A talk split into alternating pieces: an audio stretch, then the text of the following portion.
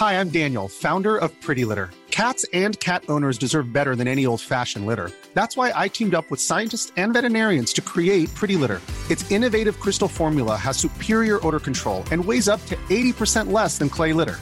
Pretty Litter even monitors health by changing colors to help detect early signs of potential illness. It's the world's smartest kitty litter.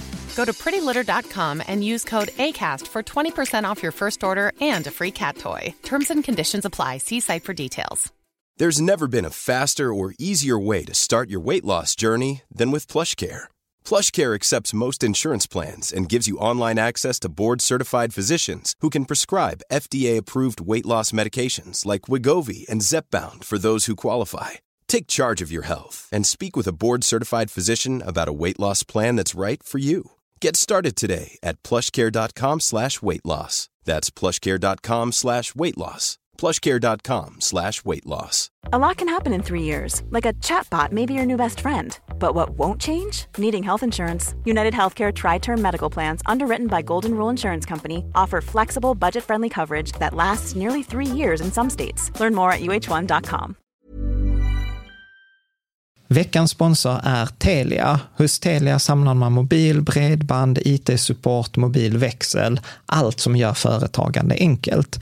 Och det är just det här att samla allt på ett ställe, att ha någon att vända sig till när det inte fungerar, det är Telia. Ett exempel på vad som inte är Telia, det är ju som när jag lyckas boka förmötet för en poddinspelning med Finansinspektionen till efter själva inspelningstillfället. Eller när jag här, här året var liksom, fick för mig att jag skulle börja springa, så jag är liksom ute och springer taggad, träffar en kompis som säger så du Jan, på måndag ska jag springa ett lopp. Och jag känner så här, ja men det låter inspirerande, så jag käkar pasta, jag byter om, tar mig ner till Malmö stadion för att göra en efteranmälan, står där i kön och sen så när jag liksom anmäler mig så tittar de på mig och säger så här, du Jan, vårhuset är bara till för kvinnor. Och eh, det var, det var typisk en situation som inte är Telia.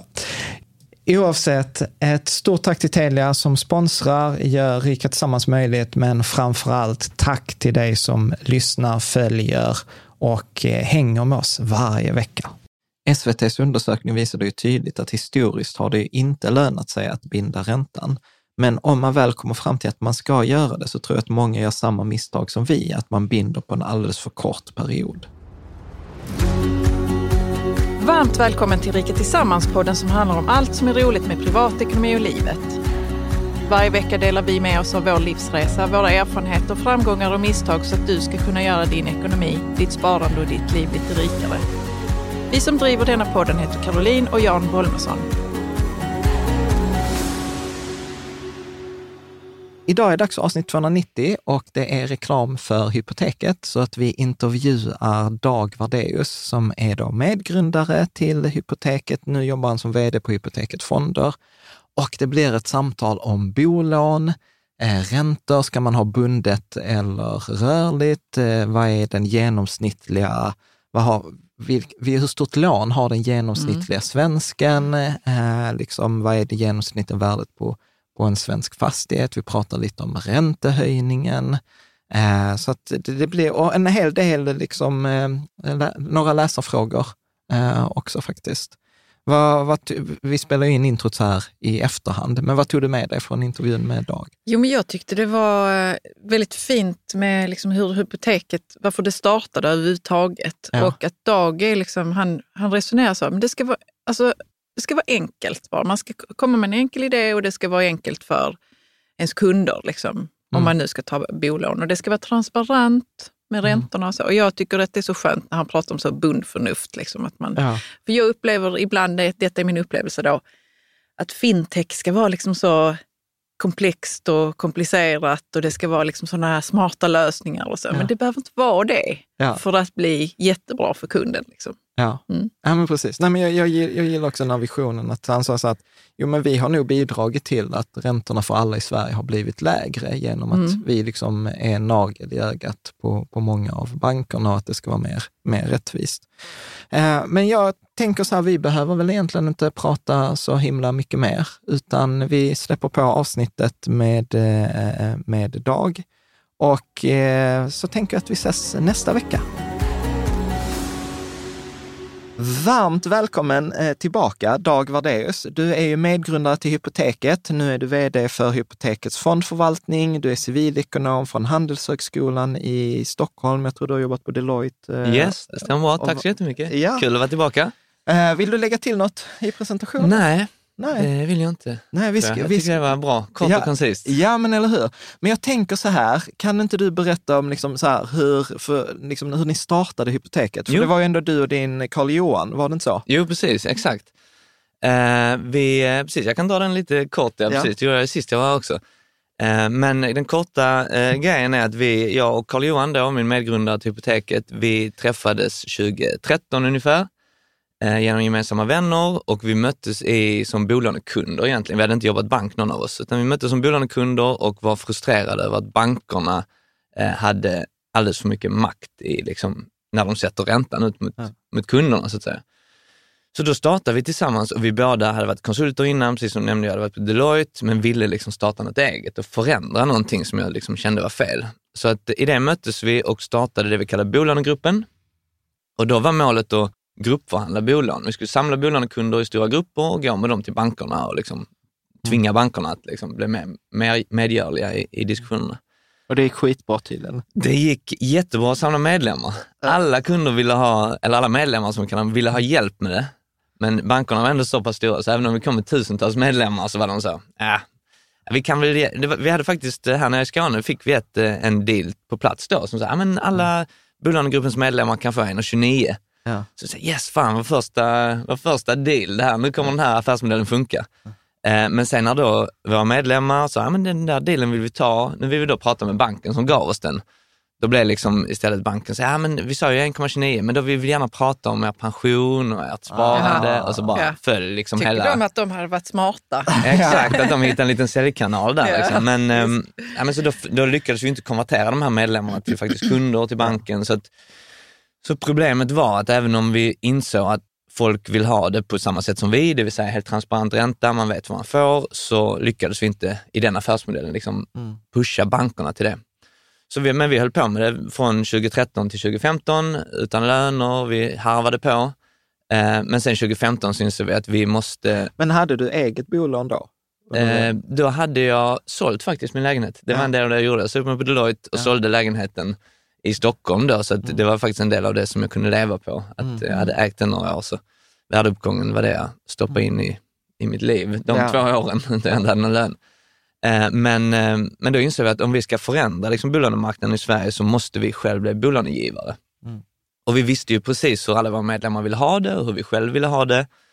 Eh, och det är att det ska vara helt digitalt, det ska vara superenkelt framför allt och digitaliseringen är väl snarare tillvägagångssättet för att göra det väldigt enkelt. Och framförallt att ha en prissättning som man vet direkt tydligt. Jag kan få den här och mm. det är priset på bolånet, mm. stand alone. Sen om jag vill köpa på andra produkter så kan jag få prislappar på dem också. Men att man gör en tydlig prissättning på just den produkten så man vet vad man, liksom, vad man kan förvänta sig och att man kan jämföra mellan aktörer. Mm. Så vi började bygga det 2015 som sagt och vi, egentligen var ju den svåra frågan hur kan man bli bolånegivare i Sverige utan att vara bank? Det var liksom första, eh, som sagt vi kom in i det som bolånekunder så mm. att vi hade egentligen ingen erfarenhet av, av hur man är, inte det, är inte det en sån här klassisk så här, om man hade vetat i efterhand hur mycket strul det var så hade man kanske inte gjort det. Men, Nej, men, då, men, men då, är man liksom så här ung och entusiastisk. Exakt, ja. precis. Nu hade jag nog inte startat om det, men, är, men det har varit, trots alla motgångar, det är så jäkla spännande. Så när ja. man märker att förändringen tar fart och det kommer liksom komma till att den, det känns som det liksom om än lite, så tar den grepp liksom, faktiskt mm. förändrar hur marknaden ser ut. Så att vi, men men då, då såg vi också just det att det kommer från, från regulatoriskt håll, egentligen från EU-håll, eh, lagar och regelverk som gjorde det möjligt för en aktör att just ge ut bolån men inte vara bank. Alltså du behöver liksom inte ha ja, men, inlåning och så vidare. Men det där, för det där är spännande, för att jag tänker så här, detta kan ju inte ha varit jättepoppis hos banker. Nej, precis. Alltså, och, och jag vet ju ett annat som vi, vi är delägare i en sån här neobank och, och där vet jag till exempel så att de försökte ta sig in i Sverige. Mm. Och det var så här, ja, ja men ni får vara i Sverige, men eh, när ni ska ansluta till de här mm. systemen, ja men, så här, ja men det tar tid. Eh, liksom, eh, Exakt, bara- jättejobbigt. eh, och, och, och så är det liksom asgamla system. ja. Liksom. Och, och, de gamla bankerna, de bryr sig inte så här, vi har också ett gammalt system och vårt gamla system pratar med ett gamla system. Mm, exakt. Liksom, men, eh, men vi som har liksom modern, så här, välkommen till 2020, nej men du vet så här, nej men det är Exakt. lugnt. Men kan man Exakt. inte bara få den känslan då av att nej, men då, alltså, hela systemet måste ju moderniseras då? Att Mm. man Det ser får så. så detta inga är- incitament. Nej, jag förstår. Men att man kan ändå tänka så, okej, det är gammalt det där. Mm. Det måste komma något nytt. Mm. Alltså, man kan se det utifrån. Ja, liksom. verkligen. Och det, det är ju det. Och det är, inte, det är inte säkert att det kommer ske på sju, Nej. tio år. Nej, Liksom. Exakt, men- exakt. men- det är nej, de men- cyklerna. Ja, men precis. För, för att jag tänker så här, bankerna tjänar ju bisarra pengar på det här. Jag såg ju så här, Mm. är det inte Finansinspektionen som släpper varje så här, vad är bankernas bruttomarginal? Och den har ju legat alltså uppe med så här 1,8 procent. Mm. Och, och då är det så här, vänta här nu, så de tjänar alltså 1,8 procent på varenda utlånad krona. Mm. Och det är ju, alltså, ja, precis, precis. Och då är det liksom när räntan var på, var på 1,8 eller till och med 1,5. Ja. Alltså, de tjänar 1,5 procent och jag betalar 1,5 procent till dem. Vad får de som de lånar av? ja, ja, De exakt. fick ju ingenting. Och det är ju pensionärerna. Ja. Eh, Så att, verkligen, det har ju varit, eh, de vill ju, det är ju ett system som har alltid funkat och det är ju ett fåtal aktörer som liksom gör det, men det är, det är, för, det är ju i en värld där bank, bankerna ses som en liksom institution, nästan som statliga, och du ska gå dit och du ska träffa dem och allt får ta tid. Liksom. Vi lever i en tid ja. där, Mm. där det ska gå så här. Man vill göra saker online. Ja men Ja. exakt, verkligen. Och inte nödvändigtvis prata med någon. Ibland behöver man det och då ska man ju verkligen kunna det för det kan ju vara väldigt svåra frågor. Men man ska ha alternativet att kunna göra det enkelt och då naturligtvis få en rabatt. Om jag sköter det själv så ska jag ju få det mycket billigare till självkostnadspris. basically. Mm. Men en, en tydlig sån, en rätt roligt exempel är att eh, bankerna har ju nu liksom gjort något som, som de då tycker är väldigt innovativt, som en ny betalningsstruktur. Eh, nu vet jag inte liksom, jag använder exakt rätt terminologi, men för att, för att göra betalningar mellan sig i Ja, men Norden. det, är det, här, det är det här rikssystemet som ska bytas ut. Är Ja, exakt. mot- jag mot tror de kallar det P27 eller Ja, något ja, sånt. ja. Eh, Något som att det finns 27 miljoner, äh, det, är någonting, Ja. först, jag vet inte varför de kallar det. Men då, då liksom är de väldigt stolta för att istället för att det clearas en gång om dagen, det vill säga att transaktionen, man får, om jag vill göra en betalning på morgonen så måste jag vänta för den går bara en betalning om dagen. Ja. Nu kommer det gå, jag vet inte om det är 10 eller om det är 20 om dagen, men ändå bara det att liksom deras väg är att gå, men det går i slottar. Liksom. Ja. Alltså, vi vill ju ha det i realtid. Ja. När jag betalar nu, då ska det ja, betalas det är så. lite eh, gammalmodigt. Ja. Ja, Och de tycker det är så, men det Mm. Det- där är det- 2050, det där, nu har vi framtidssäkrat det. Och till och med filsystemet, de började ju bygga det för 10-15 år sedan, det filsystemet de använder Ja. är också så, om du skulle fråga någon techmänniska, så säga, det där är liksom, vi använder inte det längre. Nej, alltså Så det, det liksom där, det så- där, alltså ibland så tänker jag så, för jag var, jag var och hälsade på på Riksbanken och sen så känner jag liksom så här, eh, med, med folk som jobbar som it-konsulter i branschen, du vet, du vet när de berättar, så är man så här, man blir lite mörkrädd. Och som en kompis sa till mig också så här, som jobbade i London, han var så här, Jan, alltså om du visste hur mycket, hur stora delar av världsekonomin som sköts i Excel, så, så, Man- Manuellt liksom. så, så hade man blivit mörkrädd. Liksom. Ja, verkligen. Ja, det är ju så, det är, det är faktiskt helt uh, otroligt, uh, är det ju. Och det, det, men, men det var ju just det som var en av våra smala lyckor skulle jag säga. Alltså, dels fick vi ju tillståndet att, att faktiskt få göra detta, vilket sa oss att vi var liksom precis i vågen av det här, liksom, att det är möjligt att bli bolånegivare. Men också att vi kunde bygga tekniken helt från grunden. Liksom. Och Carl-Johan då är ju ingenjör i grunden, så han började liksom bygga från scratch, liksom, från första kodraden, ett, ett system att hantera bolånen och ta emot kunder och sköta liksom själva bolånegivningen och fatta beslut och sådär. Som är helt digitalt och går att liksom verkligen anpassa och sådär. Så det har ju verkligen varit en, där vi kan i alla, så fort det kommer förändringar också, allt från amorteringskrav och sådär, så kan vi liksom snabbt anpassa oss till det. På ett sätt som bankerna inte kan, utan det, det är sådär IT-projekt som tar liksom år att implementera. Så, att, så det har ju verkligen varit, eh, och så är det ju, när en startup kommer och disruptar en bransch så är det ju alltid så att du har ju så mycket mer innovationskraft i starten. Liksom. Och den försöker vi ju hålla, det är ju liksom vår, en av våra ledstjärnor, att fortsätta hålla den. För Men hur, hur gör man det då? Eller hur gör ni det? Alltså, så vi gör det är ju liksom eh, att fortsätta bygga liksom systemet helt, eh, som sagt, egentligen, nu är jag också inne på så tekniken. Det, inte det del. nörderi. Men till skillnad från att bygga liksom en stor monolit, tror jag de kallar det, liksom ett stort system som liksom så, och till slut måste du börja lappa och laga Ja. grejer och liksom Ja. så, ja, men det där, den kontakten passar inte där, då får vi ha en skarvsladd. Och sen, så bygger vi det liksom väldigt modulärt så att vi kan liksom byta ut delar och sådär.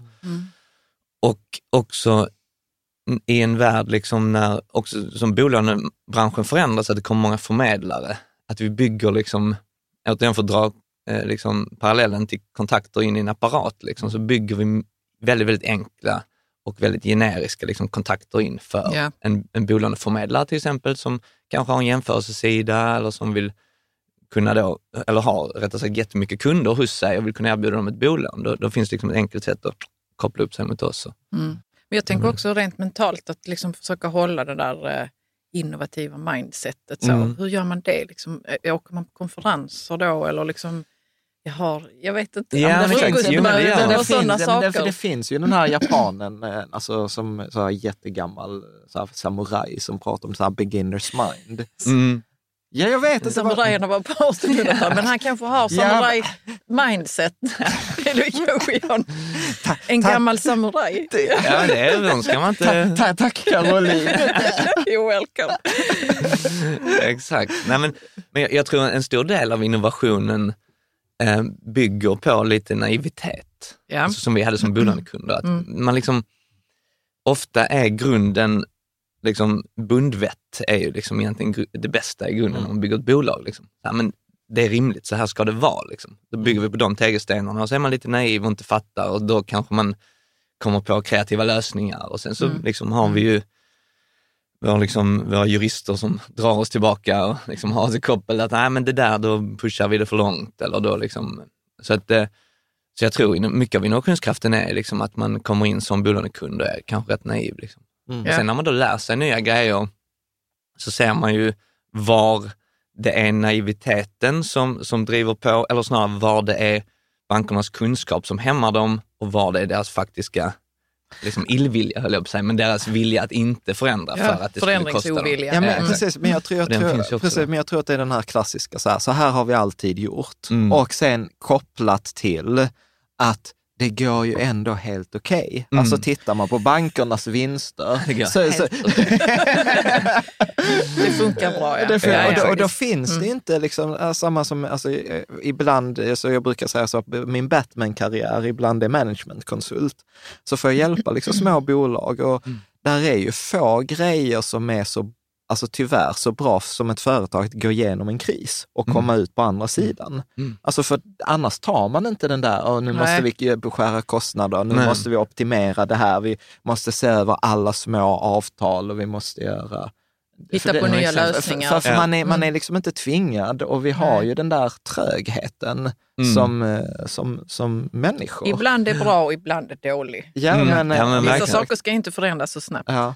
Nej, tryggheten är ju också jätteviktig och det var ju en av, alltså samtidigt som vi vill innovera och göra det här helt digitalt, så insåg vi också att folk vill fortfarande prata med någon om man ska ta ett bolån. Man vill känna att detta är liksom ett svenskt företag, vi har tillstånd från Finansinspektionen, vi är liksom trygga aktörer och framförallt att vi, att vi lånar ut pensionspengar. Så att vi är ju liksom, det är viktigt för oss också att signalera att, att byta till oss är inte liksom att gå helt in i techvärlden och pengarna försvinner upp i något digitalt moln. Utan Ja, eller någon, det är liksom någon private equity-bolag i Ja, någon ö-nation. Ja. Men, men sidospår, det känns som att vi, alltså så här, vi, Det var massa grejer Ja, här när jag bjöd in kommit dag, precis när, när jag bjöd in dag. Vi får klippa, Ja, precis. När, när jag bjöd in dag så var så här, vi ska prata ränta och förhandling och, och så här. Och du var också så här, du har inte skickat någon agenda. Jag sa, jag tror det löser sig.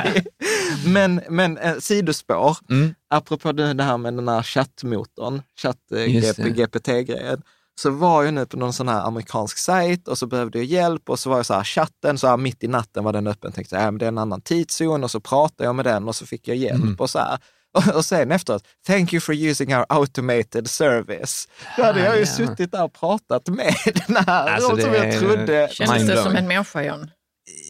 Eller du ja, så, ja, det var, det var bättre, det var och- Mm. bättre än så här, du vet, återigen bankerna så här, tryck Ja. här. Och sen, och sen så får du så här, ja, kom ihåg, du får inte göra personliga ärenden i, i, den här, i den här kundservice. Så här, vad ska jag med kundservice om jag inte får göra ett personligt ärende? Alltså, här är tre förslag på frågor och svar Ja, du kan läsa. exakt. Passar något? Ja. Ja, men så har det ju varit hittills. Men nu kanske det är förändring då. Ja, Ja, exakt. Det kan man ju verkligen hoppas. Att, Ja, eh, så att, eh, ja, men det där är coolt. ja, men-. Men nu, jag tänkte vi ska prata lite ränta. Mm. När vi spelar in detta så har ju precis Riksbanken eh, höjt. Och det är så roligt för de kallar liksom så här mycket media var så här dubbelhöjning. Och du vet, så var jag trött när jag vadå dubbelhöjning? Så var så här, nej, de har bara höjt med no, no, ja precis. Ja, exakt. jag bara så här, en Vänta, höjning. berätta nu. Jag förstod inte heller vad dubbelhöjning Nej, de har höjt, alltså man, man höjer inkrement om 0,25 procent. Ja. Och så hade de höjt med 0,5. Ja, okej, och då ja, t- tolkar alla Mm. som en dubbelhöjning. Medan jag var så här, nej det är en höjning, men oh, skitsamma. Ja, exakt. Ja, det, det är liksom väldigt... Ja. Men i alla fall, det är femte höjningen på nio månader. Mm. Alltså det, är lite, det var ju länge sedan det var så. Och Mm. jag såg någon kommentar eh, från eh, någon som heter Americo Fernandez som skrev så här, för hushållen är det här tecken på att det kommer bli fortsatt ansträngt i det korta perspektivet. Mm. Men att liksom, eh, ränt, kanske att det värsta räntehöjningen ligger bakom oss. Och sen gav de också prognos att vi ska öka räntan med ytterligare 0,25 tror jag i Mm. april. Och att sen, Exakt. Sen tror de ju att räntan ska ligga så till 2026. Mm. Så att den som tänkte så här, nej men i höst kommer det bli bättre med lägre ränta, det tror jag Det inte. var inte Vad är, vad, är, vad är din eh, kommentar liksom, som är ändå lite i branschen? Ja, men exakt. Alltså det, den här räntekurvan då, för det är det de kallar Ja. liksom. Dels så, så ger de ju då, eller så höjer de då styrräntan och sen så säger de räntekurvan, exakt vad de förväntar sig att de ska höja framåt. Liksom. Mm. Den, jag tror att den ligger platt fram till 2026 är nog mer att de vill ge signalen att vi, för de, anledningen till att de gör det är ju för att få ner inflationen som har stigit så kraftigt. Så de, jag tror att även om de kanske tror, eller att andra eh, liksom förstår sig på, faktiskt tror att den kommer sjunka framåt 2024 igen, så säger inte Riksbanken det för att de vill liksom visa att nu tar vi i. Och sen säger de snarare att om det är så att inflationen går ner, då kan vi liksom sänka den i förtid. Så jag, tror, jag tror det är mer det att de faktiskt att de faktiskt vill signalera tydligt att vi höjer dem för att verkligen sätta dit inflationen så att den liksom sjunker. Eh, Men jag tror att alla, alla tror nog ändå att den ska gå ner lite liksom under 2024. Mm. Men det- det, till 2,5 eller något sånt där. Liksom. Men, Mm. med, risk att det, med risk att det blir lite så här snillen spekulerar, men de här inflationsberäkningarna, räknar man inte dem så här hur det var mot förra året? Jo, För, är det det. va? Det är förändringen på 12 månader Ja. liksom, i pris. eh, och, och då tänker jag egentligen så här, om inflationen sen inte stiger, alltså så här, då blir det ju bara liksom att, alltså inflationen borde ju nästan så här lite gå ner av sig självt. mm. Alltså förstår du, för, för att när, när det väl har gått den där perioden, då, då har ju liksom priserna normaliserats på den höga nivån. Ja. mm, eh, exakt, tänk- så att du hamnar i en ny liksom. Ja, I ett nytt normal. Men, men det som kommer hända då är väl att då kommer ju, då är det högre priser, ja då kommer eh, lönerna öka antagligen mycket Ja, ja, mer precis, och då precis. blir det en sån här löneinflationsspiral. ja, ja. Liksom. Så då, då, Okej, det var dåligt de. det också då. Ja, det- det var inte bra det. var det så här, alltså. precis så, som en kompis säger, hamsterhjulet snurrar men hamstern är död. Ja exakt, man fortsätter bara. Nej men exakt, så, så det är väl, man vill ju få ner den bara till liksom det där målet på två, eller vad det Mm. Eller det är ju två, men Men mär, märker ni liksom att folk är oroliga? Eller liksom så här, för att, för att det Ja. har ju gjort att alltså, räntan har ju mer eller mindre dubblats. mm, Eh, jag såg någon sån här också att folk förra året, eller under 2021 så la folk 4 procent tror jag av sin disponibla Mm. inkomst på räntor och nu är det uppemot 9 ja. 9-10 procent. Och jag tänker också så här, alltså, vi ska prata lite om siffror, men till exempel, för nu bor du i Stockholm. Mm. Jag gissar i Stockholm är det inte ovanligt med kanske 4-5 miljoner i, Nej, i, i, i, i, lån. Och då tänker jag så här, ja, men när då räntan var 1 procent, ja, men då hade du kanske 50 000 Mm. eh, i, i, om året. Medan så har räntan nu gått från 1 procent till 3, Mm. ja då pratar vi kanske 150 000. Alltså så här, det, det, alltså det är en ganska stor skillnad i både absoluta tal. Ja men exakt, verkligen. Och, och speciellt där, och då tar man, eh, då får man också säga då att det här ränteavdraget till exempel, Mm. eh, det är ju bara upp till 100 000 och sen är det också lägre ränteavdrag över det. Så man får liksom Mm. också en extra, extra kick av att, att det faktiskt blir, monetä- att det blir i pengar mer ränta varje år. Men, eh, men så det tror jag är, det är ju problematiskt såklart. Mm. Och jag tror också att det är många i vår generation faktiskt som, som tror att, som har kommit in på bostadsmarknaden under den här tiden när räntorna har varit så otroligt låga, som tror att det är ett normalläge. Mm. Och det tror jag nog är den största liksom, risken att folk, alltså, för det har ju varit väldigt, väldigt dramatiska höjningar. På Men är ju- kort tid. på väldigt Ja. kort tid, ja. Men det är ju inte upp till historiskt höga nivåer egentligen. Liksom. Utan det är kanske snarare så att de nivåerna vi hamnar på nu är de som är långsiktigt det man ska vara van vid. Liksom. Och ja. framförallt ha gearat upp eh, buffert mm. för liksom, att klara. Ja. Så att jag tror att eh, det är nog nyttigt för många i min och liksom vår generation att faktiskt tänka nu på att ja, men det här kanske är ränteläget som jag ska vara långsiktigt beredd på och anpassa min konsumtion och min, liksom, min livssituation ja. efter. För, för de som mm. inte ser oss så är vi typ vi, vi är 80-talister. Ja, ja så att eh, så 40, 40-åringarna. Mm. Uh, men, men jag tänker där också för att Hjälp mig här nu, för, för jag har sett så mycket grafer på räntor nu på sistone så att det, går, det, det är nästan som ett töcken. Mm. Men, men historiskt, för jag har för mig att jag såg nu att jag tror att bolåneräntorna, alltså inte statsräntan, Nej. utan bolåneräntorna i snitt, alltså om man skulle dra ett snitt liksom bakåt, typ 80-talet, så har, mm. så har det legat på typ 4-4,5 procent. Tror jag har varit någon sån här, rimligt, ja. alltså att det är en någon slags historisk normalränta. Mm. Mm. Och, och, räknar vi då att bankernas, den här bruttomarginalen, jag tror att just nu på senaste Q3, Q3 2022, så tror jag att eh, marginalen enligt FI var ner på 0,92 procent. Mm, så, så bankerna tjänar 92, eh, 92 eh, öre Ja, men, alltså, det, nej, det blir svårt att tänka på. Det är svårt. Nej, de tjänar, tjänar ja, 0,92 procent.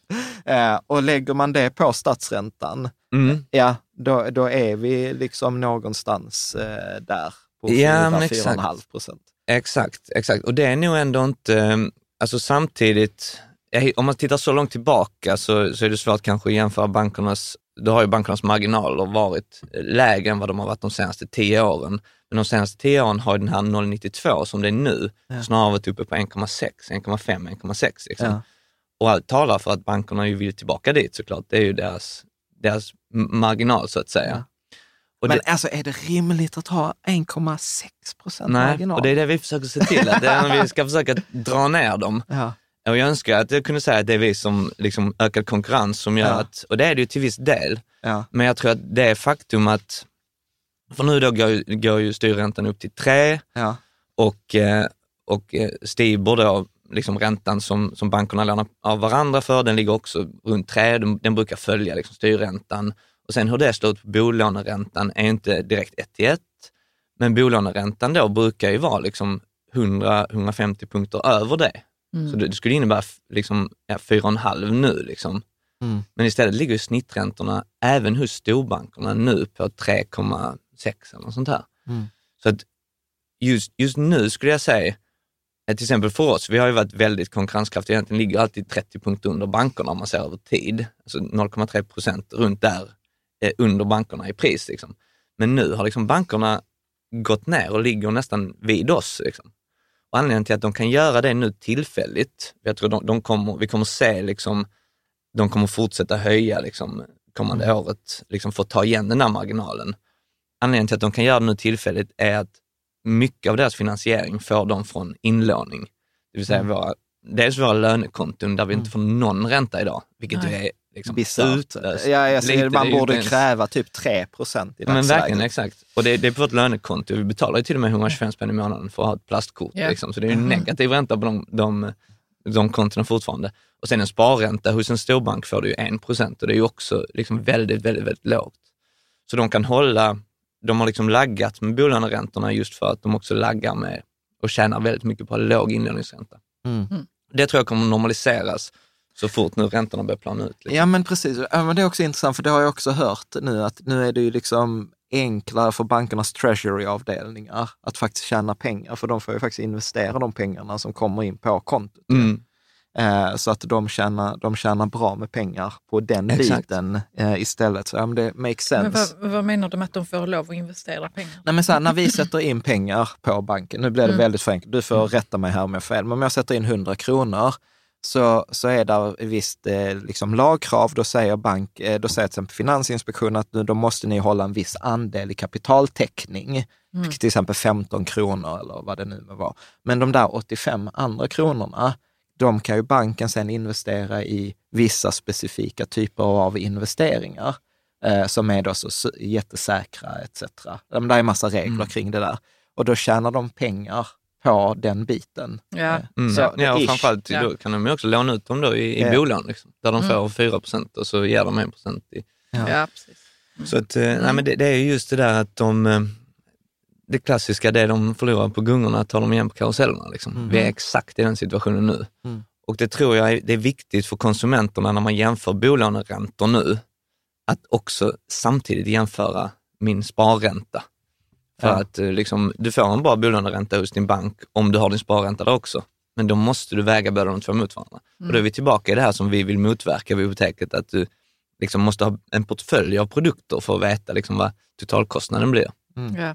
För, för, Det är för, otydligt. för, för att jag för mig att du, du skrev det någonstans också, jag tror jag var inne på din blogg, nu hittar jag inte citatet i mina papper här, men att, att man måste jämföra Just, alltså man kan inte bara titta på listräntan här och nu heller, när, när man jämför, utan man behöver titta på det liksom Mm. över, över en tidsperiod. Ja är, men det, exakt. är det ett vanligt misstag, upplever? Det har inte varit vanligt sen vi startade skulle jag säga, för att sen vi startade har ju räntan varit så liksom platt på något sätt. Så att Ja. då, då har ju det varit, eh, det är klart man ska alltid titta över tid, för jag vill ju ha mitt bolån hos en aktör över tid och då får jag kolla liksom Mm. hur konkurrenskraftiga de här varit över en tid.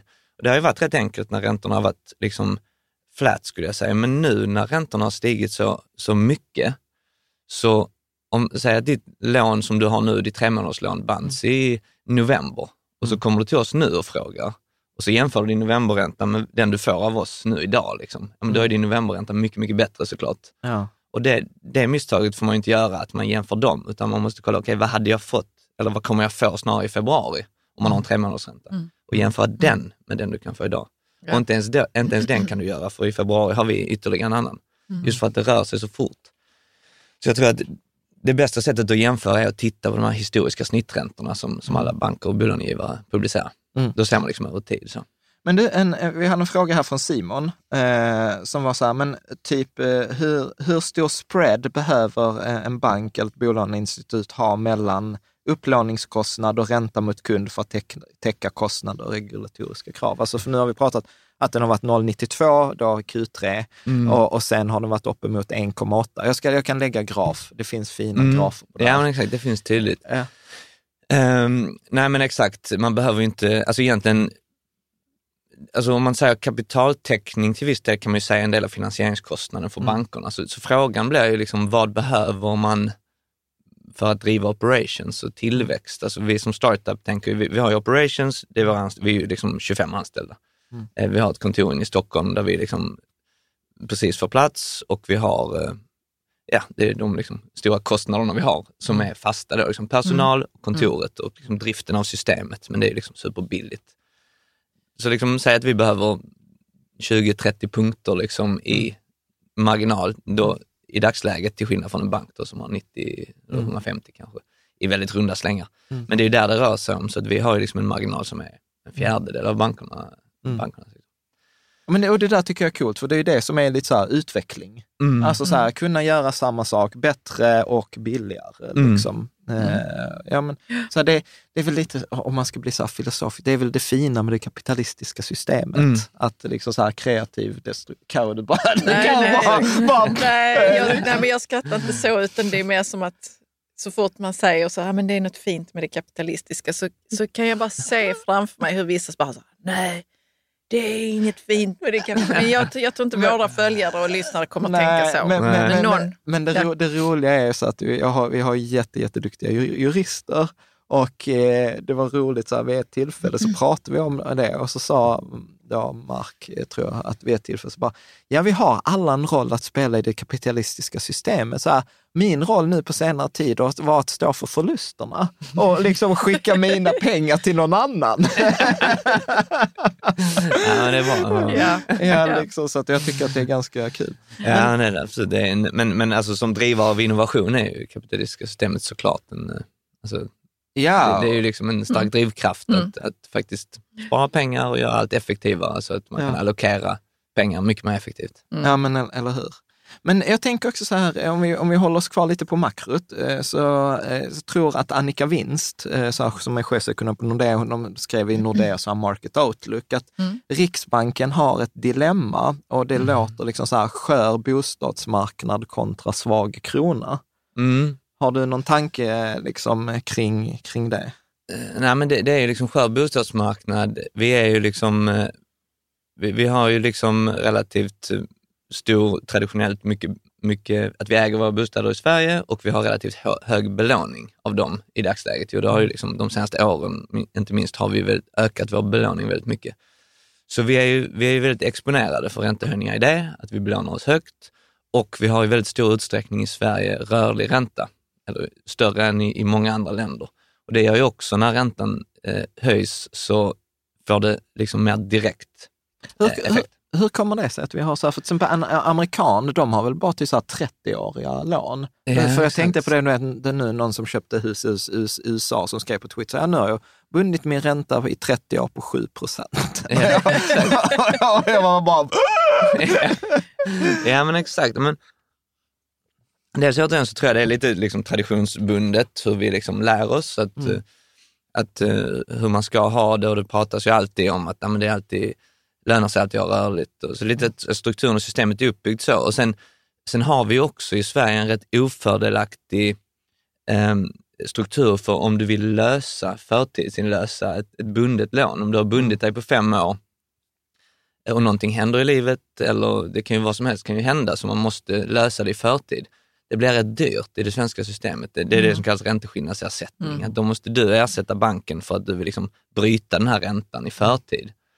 Och det är ju rätt dyrt i Sverige. Så därför är liksom, jag tror människor kanske liksom tenderar att inte, att inte göra det. Är, är det. Är det vanligt? Alltså hur, hur ofta händer det hos er? Att man, att man löser och betalar ränteskillnadsersättning? Ja.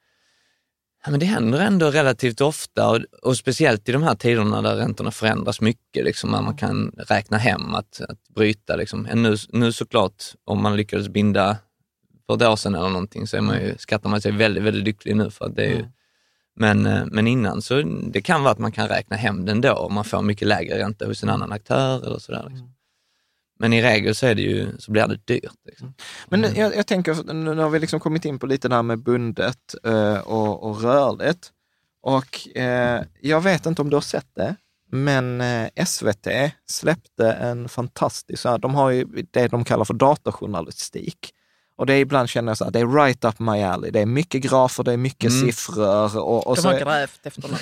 Ja, och, och, så är det ofta, så jag tror det var New York Times som började med sådana jättefina dataillustrationer. Eller ah, data. Nice. Så, så vad de har gjort är att de har då äh, tagit fram alla liksom, listräntor och gjort någon slags, vad har den genomsnittliga bolåneräntan i Sverige varit sedan mitten av 80-talet? Mm. Och så har de jämfört då, då både rörlig och bunden på 1, 2, 3, 4 upp till 10 år. Mm. Och så var frågan så här, äh, borde du ha bundit räntan? Mm. Det var liksom anslaget. Har, har ni sett det? Nej, jag har Nej, det. tyvärr Jan.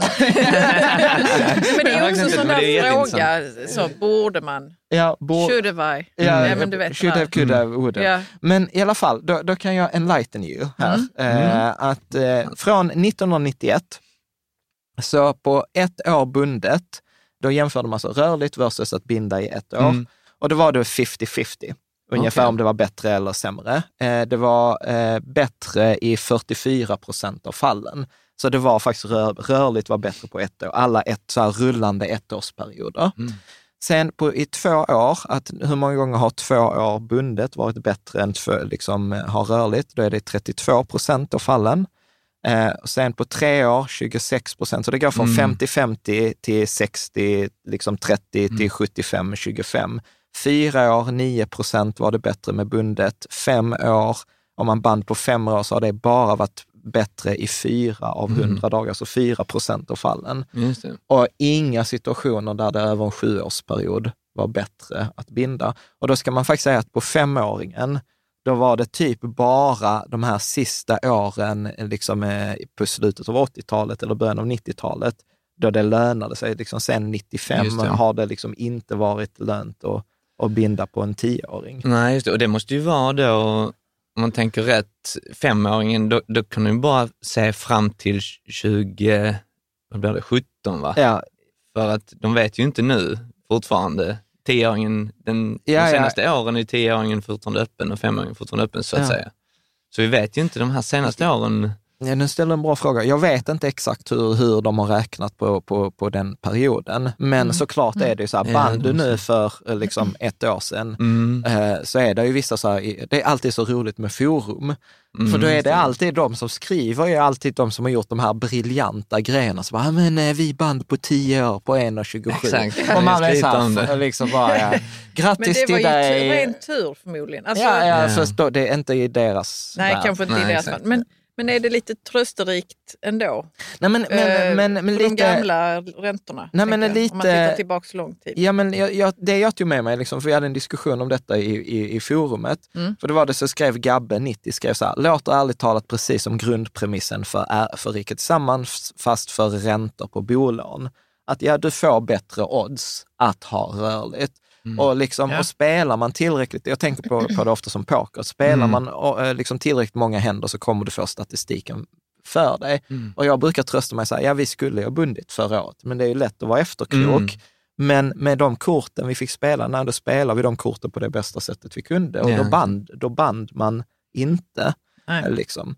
Men, men jag tänker så här, för nu blir det återigen lite snillen spekulerar.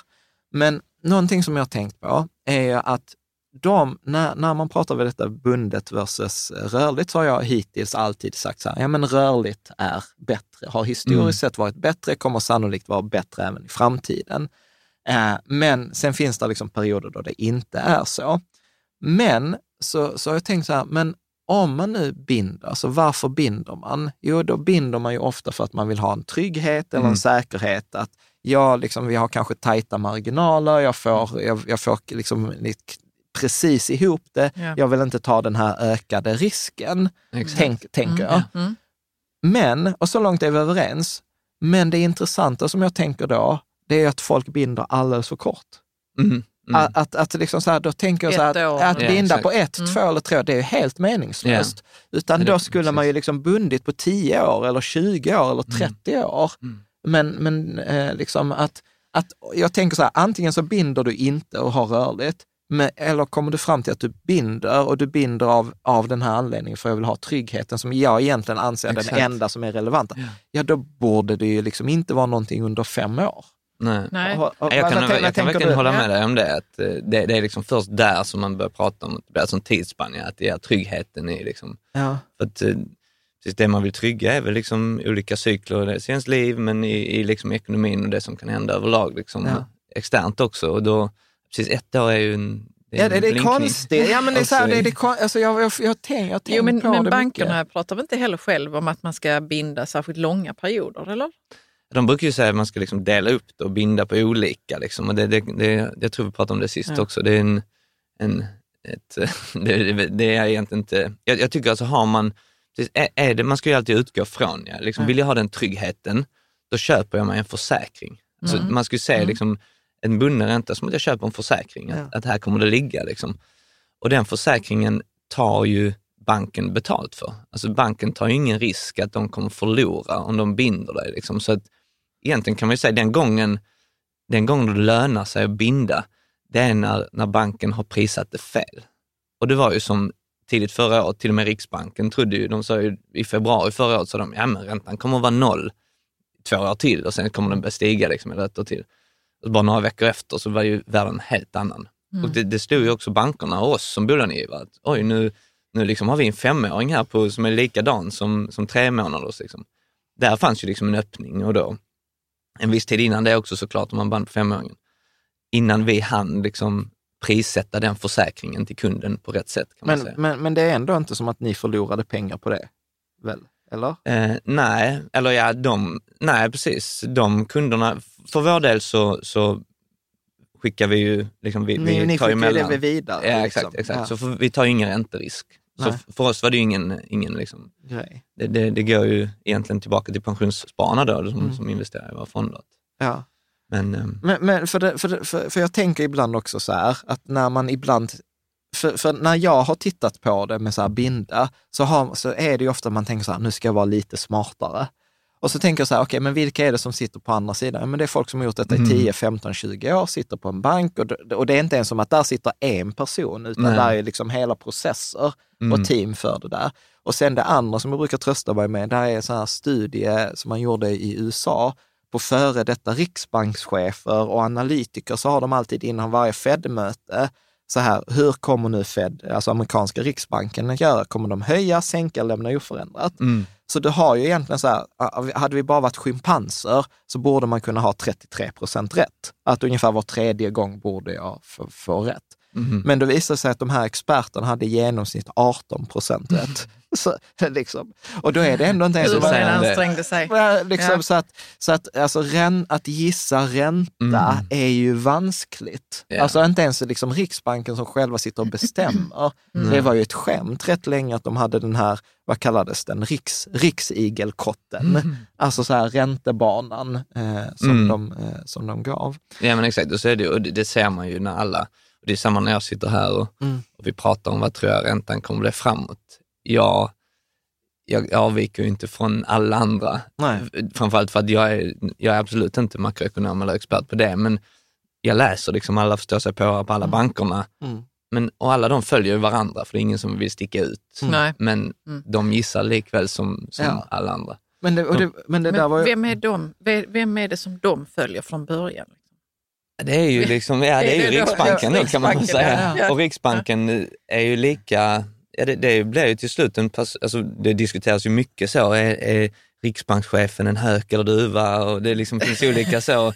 Till slut blir det ju liksom, hur duktiga är direktionen där på mm. att, på att ja. liksom forecasta då, framförallt inflationen och sådär.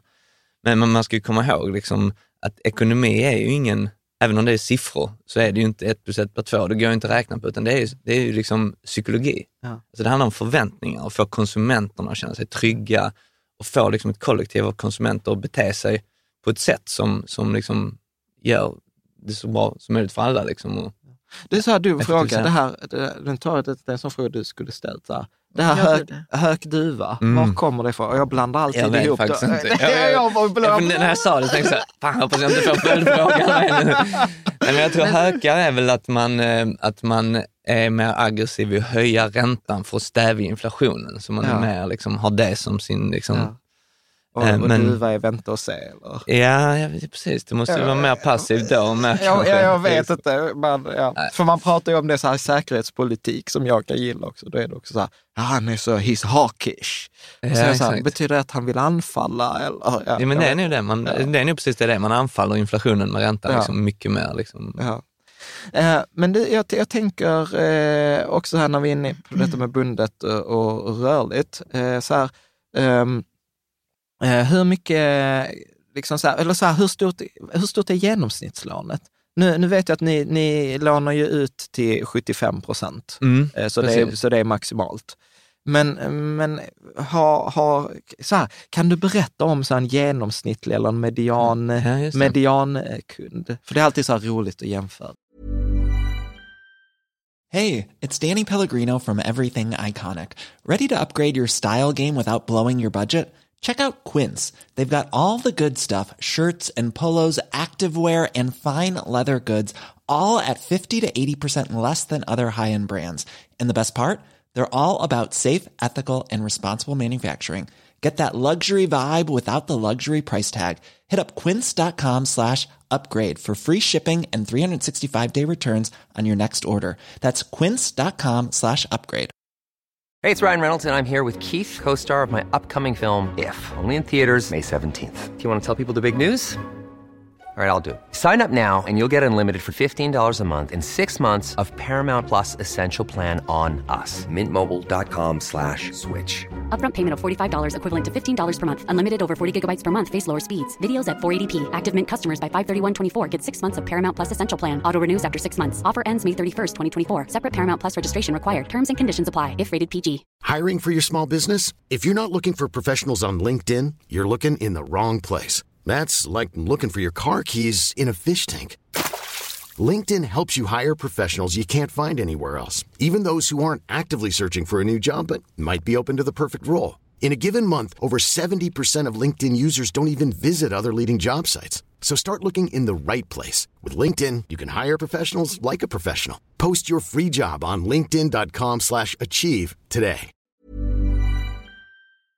Ja, men exakt. Men jag tror en, en genomsnittskund hos oss, när vi från början lanserade så hade vi bara upp till 65 procents belåningsgrad. Mm. Och sen har vi då eh, eh, lyckats lansera upp till 75 och vi vill ju till syvende och sist kunna hjälpa alla, så vårt mål är att kunna erbjuda ända upp till 85.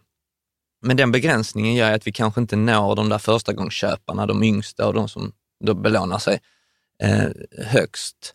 Men vi har, säg en, en normal kund hos oss, eller en, en, en liksom mediankund, är väl i 50-årsåldern hos oss, så lite Mm. äldre. Eh, bor, kundbasen är rätt spridd över hela landet. Och sen så då, om man säger antal kunder, sen är då volymen viktad mot storstäderna såklart, för att eh, Mm. bolagen är ju större i storstäderna. Eh, har i snitt två miljoner i lån, tror jag, där omkring någonting. På ett Ja. hus som är värt ish. Eller hus, boende. Ja, som är värt kanske tre, fyra skulle jag säga. Fyra Ja. snarare, ja, precis. Jag tror vår snittbelåningsgrad ligger på 50, drygt 50 procent liksom, i stocken. Vet, du- vet, vet, vet du vad den är typ i Sverige? Nej, För att inte jag tycker, jag tycker sådana såna är liksom lite svåra att hitta ibland, alltså den Ja, typen jag av data. också- tycker ändå det låter som ett billigt boende ändå på något vis i en storstad eller i en stad. Ja, men Ja. exakt. exakt. Jo, det är det. De, de, ja, de största lånen vi har i, i Stockholm är ju såklart dubbelt så stora som det är mer än Ja. det. Liksom. Ja. Mm. Alltså det är ju verkligen ett snitt. Nu var det medel. Alltså för, för jag vet att till exempel finan, finans, nu, nu blir det lite datanörderi här, men Finansinspektionen släpper ju en gång, en gång om året, va? En sån Mm. här rapport, så här, läget på bolånemarknaden. Eh, så att detta är ju, denna släpptes ju i april 2022, så då är det siffror för 2020, 2021. Och då tror jag att de sa att, för att det de pratar hela tiden är nya bolån. Mm. Jag vet inte, för att det är förmodligen det de mäter eller som är enklast att mäta. För ni rapporterar det. Ja, men exakt. Ja. exakt. För då, då sa de att för gen, vid nyköp så var den genomsnittliga belåningsgraden 70 procent. Mm. Vilket, jag vet inte, är det högt eller är det lågt?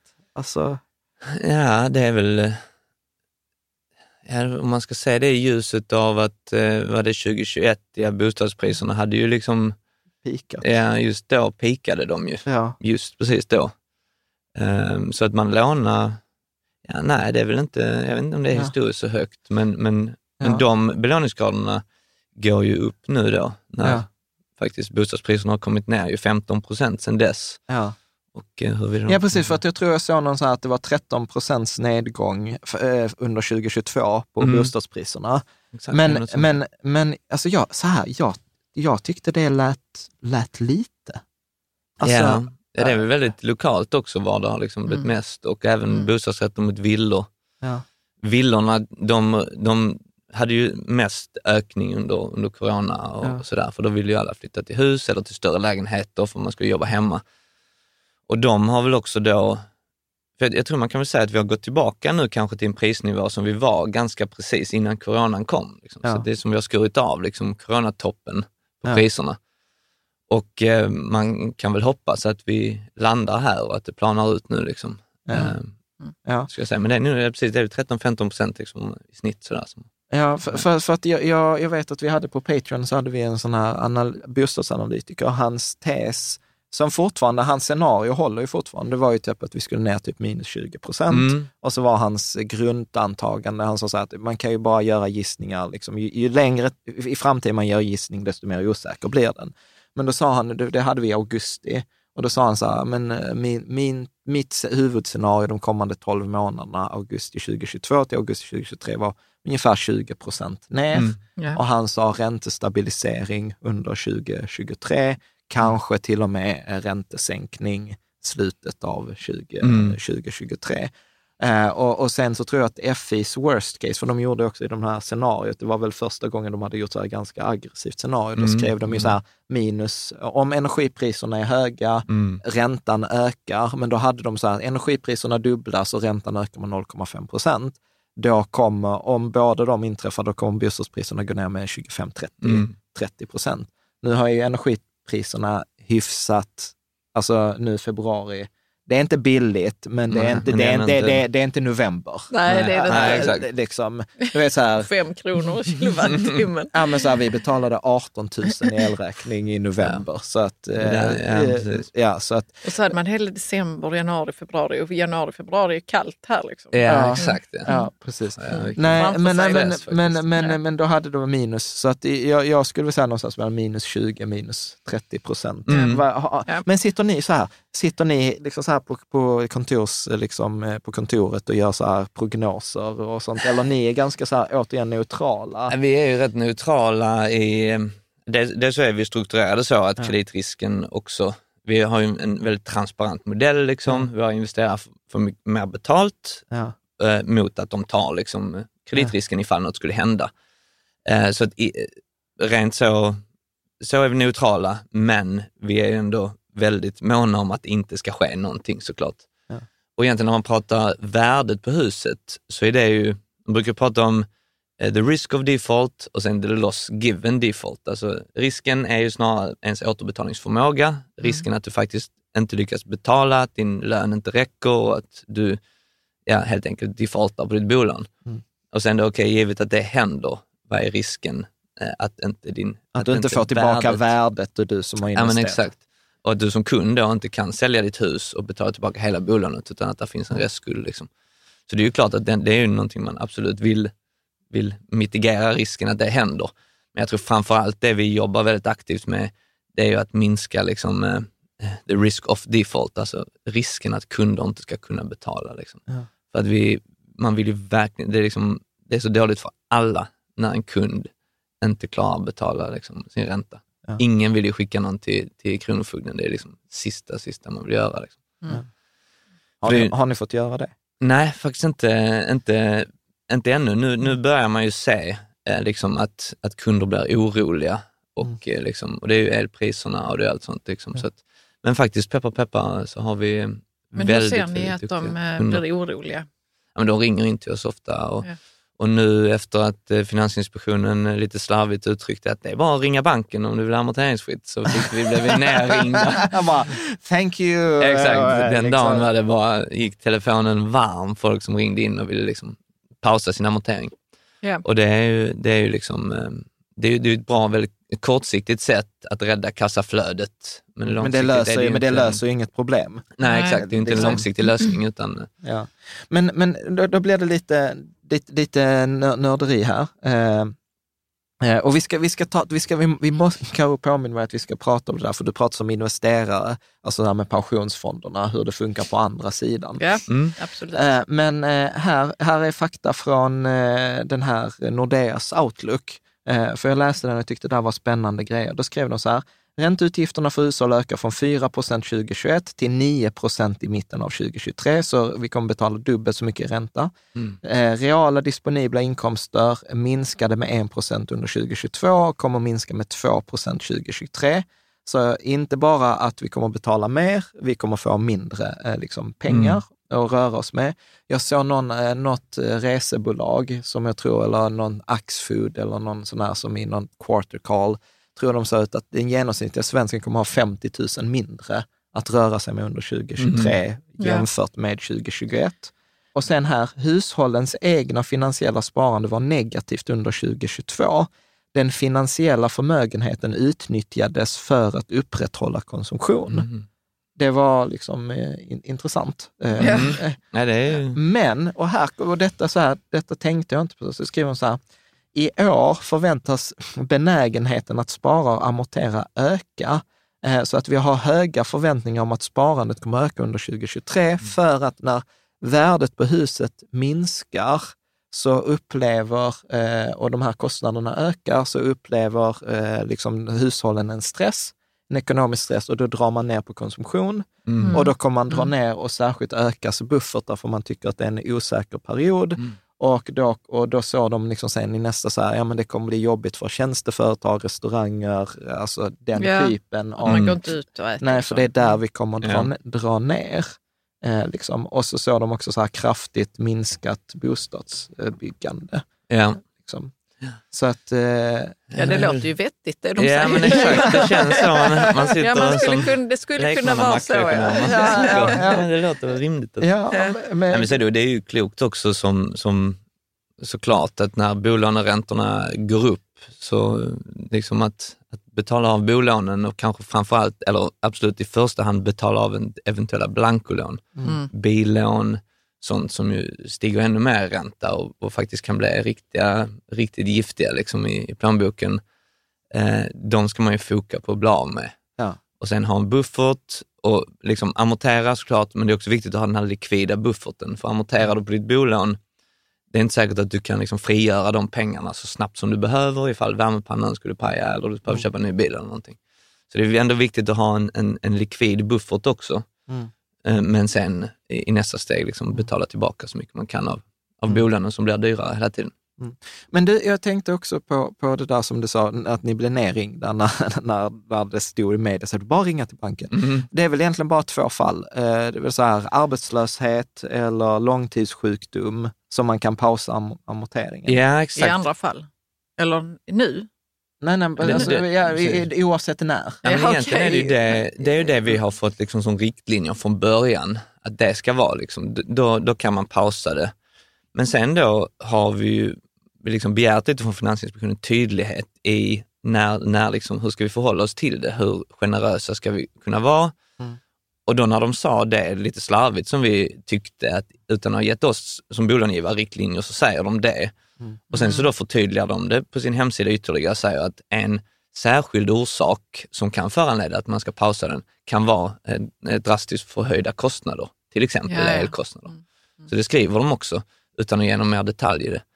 Så sen är det upp till oss att avgöra liksom hur mycket bevis behöver vi från kunden för att det faktiskt är att de har liksom förhöjda eh, kostnader. Jag ska gifta mig och sen ska jag på bröllopsresa. Så att det, Ja. det är drastiskt förhöjda.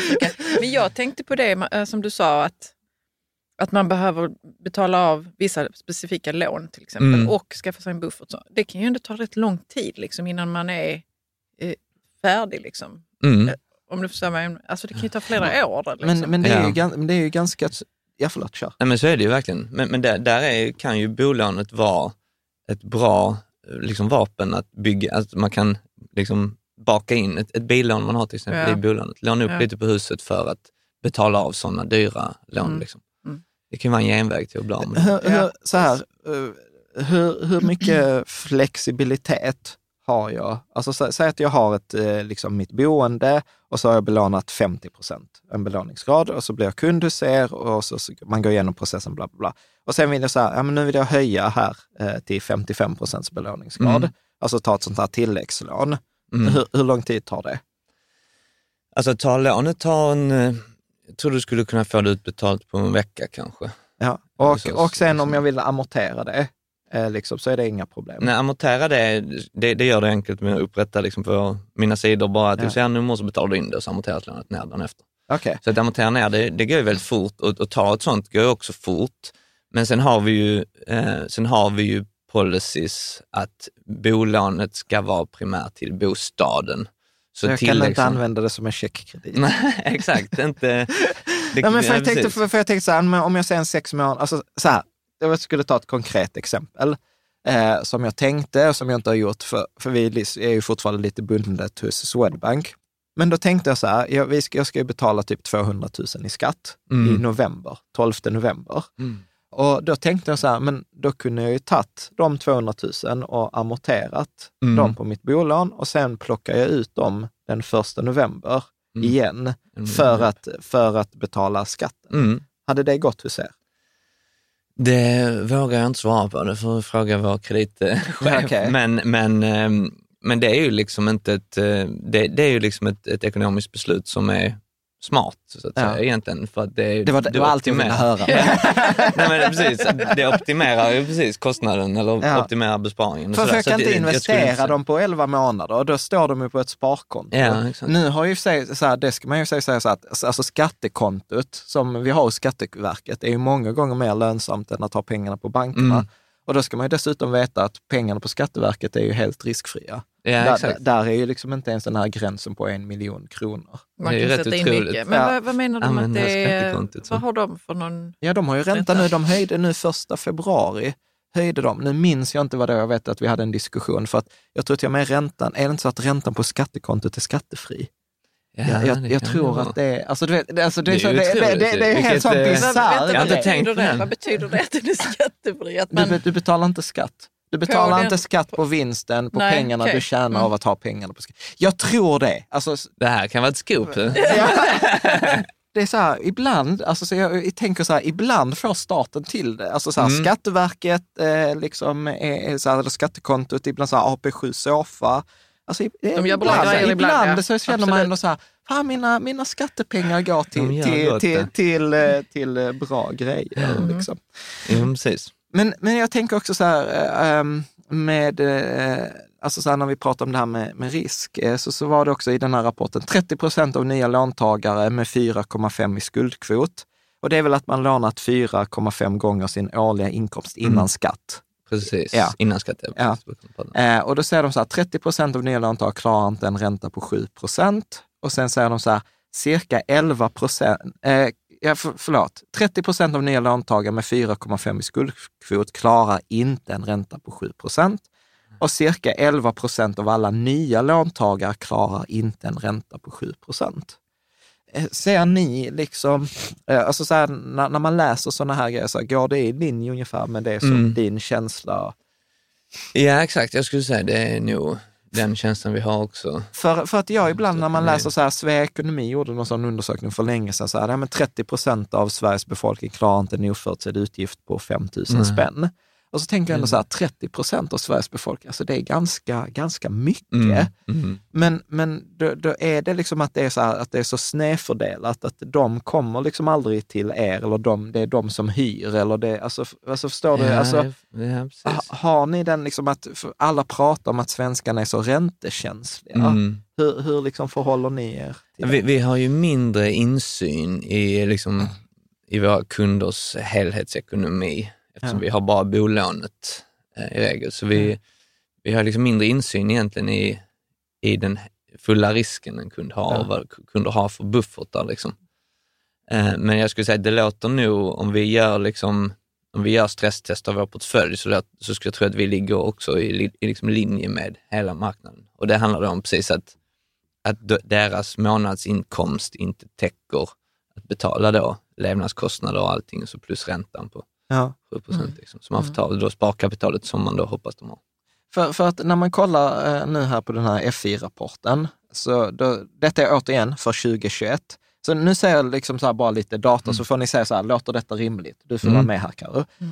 Men eh, då tittar man på att den totala lånebördan som ett genomsnittligt hushåll, alltså ny låntagare, alltså de som köpte eh, ett boende 2021, då lånade de i genomsnitt då eh, 2,8 miljoner och hade ett marknadsvärde på 4 miljoner.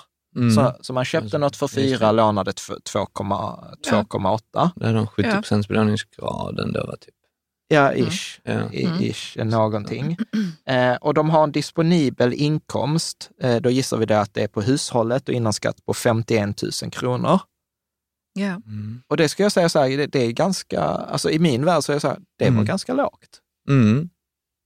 Alltså det är inte Men 51 000. detta är alltså en Det är medel... innan, ja, exakt. Ja, men det, alltså disponibel inkomst, nu blir det snillen spekulera här, men disponibel 50, inkomst 112. det är ju ja, det är 600 om året. året på hushållet. Ja, exakt. Men vad sa du, innan skatt? Ja, innan skatt. Ja, det är och hushållet. lågt, ja. Ja, Ja. ja hushållet Man också. tänker att det kanske ändå är två. Mm. Ja, men precis. Eh, å andra sidan, jag tror att median och genomsnittslön, var inte, det ligger på typ 33, Mhm. var det något sånt. Mm. Så att, ja, Ja, det, det ja, kan, det ju, kan så det kan det- stämma och precis. så är det att alla jobbar inte heltid och så är det alla låginkomsttagare. och så, ja. Ja. ja, men så. Exakt, jo men det kan ju stämma. Ja. Och, eh, och sen så om, om man delade upp detta, så vi- vilken åldersgrupp har mest, eh, skulle ni säga? 18 till 30, 31 till 50, 51 till 65 som Lön, lånar mest? Eller som lånar mest. Ja. Mm. Som lånar mest. Ja, det men- blev lite förhör här. Ja, men Det exakt. är en sån äldre Som lånar mest grupp. i för... Ja, så här, Ja, nu, nu är det exakt, återigen, det är bara det. nya låntagare. Ja. Det. Men det är säkert några sådana. Vad, vad sa du, den gruppen som var lite äldre? eh, över 65 eller Ja. 51 till 65. Jag tror nästan det är vi, Ja, lite här i mitten. Ja, alltså det, och det, det, det är lite roligt för det jag tänker också, vi, vi som är 40 år, alltså det känns som när man, är, när man blir 40-45, då har man liksom dratt livets nitlott. Man har, man, man har liksom ingen tid för sig själv, liksom, man har små barn, man har liksom ett högt belånat boende, man, man sliter för man är så här mitt i karriären. Så att jag, jag, jag, jag har någon tillförsikt att de som är äldre säger så här, det blir bara bättre här. Ja, men det blir bättre. Men jag Ja, stötte på människor, två stycken som var ett par som hade en bebis och de var båda föräldralediga. Och Mm. de hade ett oerhört billigt boende på så, typ så 20 kvadrat och de skulle få en bebis till. Jag bara, Oj, oj. och de var på väg mot, eh, mot liksom att eh, bli ekonomiskt oberoende. Och då tänkte jag så, där var nog riktigt bra planerat. Liksom. För båda kunde vara föräldralediga. Ja. Ja. Så de, Ja, de är i alla fall inte enligt mallen här. Nej. Nej, exakt. Nej, de det har finns verkligen... liksom eh, av, avvikelser och det är ändå Ja, rätt det- skönt att veta. Ja, men det, det är liksom. så här, verkligen. nej, Caroline, de är den där punkten i grafen man stryker. Ja, för att Ja. den det är inte- en anomali. för att den passar. Ja, Nej, men jag Men- tyckte det var, kändes så skönt att veta att det finns liksom Ja. avvikare kan man väl säga. Mm. Men då kan ni få lite data här. Eh, 31 till 50, då har man lånat i, i sammanboende, pratar jag om då, alltså hushåll med två personer. Mm. Då lånar man 3,6 miljoner eh, på ett hus som är värt 5, Okej. eh, ish. Och återigen, så här, då tänker jag ändå, det är ganska, ändå ganska mycket 3,6 Det låter miljoner i, i, i, i lån. Med, fy, liksom. med, fyra, ja, ja, med 4 procents ränta på det. Alltså det, är- Mm. det är ganska mycket och den disponibla inkomsten är 55, liksom 55 000 på det där. Men detta, precis, detta var från april 2022. Ja, Ja, så detta gäller för 2021 ja exakt. dessutom. Det ska bli intressant att se när den kommer nu i april. hur Jag tror detta- 24, 24 mars. Ja, okej. Alltså det är sjukt att man så här bara, nej men då kommer så här, du vet så här kalender. Ja, exakt. För nu smsar varandra. Ja, Ja. Ja, har, du sett, har du sett den? där? Nej, jag är, jag är inte så. Eh, 18 till 30-åringar eh, lånade ensam, om man är ensam då, eh, då lånar man 1,6 miljoner och köper någonting för 2, eh, för 2 miljoner. Eh, och jag tror att det var så här jättehög andel av nya eller unga låntagare som hade medlåntagare. Mm. Så att det är typ jättemånga föräldrar. Ja. Jag gissar Just att det är också ja, det sånt. ser som- man väldigt ofta. Ja, precis. Ja. Så det, Och eh, ja, men då kan vi hålla där. Men då är det och vad lite... hade de för lön då, de i 18 Eh, ensam, ensamstående 20, 27. Just det. 27 27 000 innan Mm. skatt. Ja, men det låter väl, alltså, så här, Ja, när man det det tittar så här, it makes sense. Eh, Mm. Liksom, ensamstående 31 till 50-åring, 34 000 i disponibel Mm. inkomst. Sammanboende 40-åringar, 64 Mm. eh, 000 i disponibel inkomst. Ja. Eh, Men och det vara. ja, och Det. Ja, precis. Och, ja, och där blir de här siffrorna nedbrutet på 51 000 eh, på den disponibla inkomsten. Mm. Så att, ja. Ja. ja, men Det så lite att precis, eh, jämföra. Lite. Mm. Eh, Ja, men det är det jag tror, just att komma tillbaka till det där att alla liksom bolånekunder, alla de här olika generationernas bolånekunder har ju en helt olika syn på vad en vanlig ränta är ja. och vad, vad, hur stor del bost, eller bostadskostnaden ska vara av disponibla inkomsten. Liksom. Mm. Just det där att vi, jag är van vid då, sen jag tog mitt första bolån, att den är liksom bara väldigt, väldigt liten del. Och nu måste man liksom verkligen. Omkalibrera, Ja, omkalibrera. Ja, ja. Och det gjorde vi nu. Jag, jag köpte faktiskt precis lägenhet med, med min flickvän och då eh, liksom byggde vi vår egen Excel-kalkyl som man gör alltid. Ja, ja, visst. Titta i grafer och sen vad händer om den tar 50 procent av disponibla inkomst? Liksom? Ja. Ja, men det klarar vi. Vad skulle, vad skulle vi skära ner på? Liksom, det här och det här. Vi, vi bor Mm. i stan så vi har ingen bil och vi har liksom väldigt rörliga små omkostnader. Så att, eh, det funkar ju. Liksom. Ja. Mm. Och sen vet, vet du vad det roliga är? Liksom det, här, här, sorry Dag, men här har ju du dratt nitlotten. För att så här, hade man jobbat på bank, då får man sådana sjuka personalrabatter. Men eh, eftersom Dag driver liksom bolaget och detta är så här, då får att låna då av sitt eget bolag, det är förbjudet. Ja. Så att ni, Mm. får ju inte, ni får ju inte ens låna, av, Nej, liksom, så Nej, du får ju inte vara kund Nej. på hypoteket. Inte ens, och vi vill ju göra det till liksom, de räntorna vi ger alla kunder. Alltså samma, exakt samma villkor som alla kunder. Nej, det verkar som de har missat den paragrafen i, i lagstiftningen. Så Ja. att vi, eh, Så, du, så, det var till, ja, så det var till inte ens dina släktingar får inte heller Nej, exakt. låna och folk i styrelsen får inte låna och inte... och inte deras släktingar heller för den delen. så det är liksom så en närstående krets. För man, I regel får man inte låna av sitt eget aktiebolag och, och vi faller in under den lagen. Så, att, Ja. så jag får gå till eh, en av våra Storbank. bankkollegor. Ja, får gå med mössan i hand, bokstavligen kommer jag tillbaka. Och de bara, du jobbar med... Ja, Ja. ber- berätt, så här, då kommer jag fråga så här, berättar man för handläggaren då så här, jag är vd på hypoteket? Eller jag har Ja, liksom man säger alltså, startat... typ- hypoteket fondförvaltning, så de förhoppningsvis inte kopplar det till... Nej. Nej, men man kommer tillbaka där. De, ja, hur många tusen eh, bolånekunder har du med dig den här gången? Jag ska förhandla. Det bara jag. Ja, denna gången. Men- Men, vi skulle prata om det. Ja, men så här lite kort förhandling. För jag tror, eh, jag tror på er hemsida så har ni någon sån här blaffa som är så här, aldrig mer ränteförhandling. Och sen var jag faktiskt inne på någon annan, så här, eh, googlade eh, någon annan så här bank och då var det också många så här förhandlingsfritt bolån. Mm. Att det, nu, nu verkar det vara a thing, Ja. liksom en grej, att det ska vara så här förhandlingsfritt. Så här, finns det ens möjlighet? Hur säger jag finns det inte Mm. möjlighet att förhandla? För att Nej, uh, same same, men, men om du skulle göra en spaning?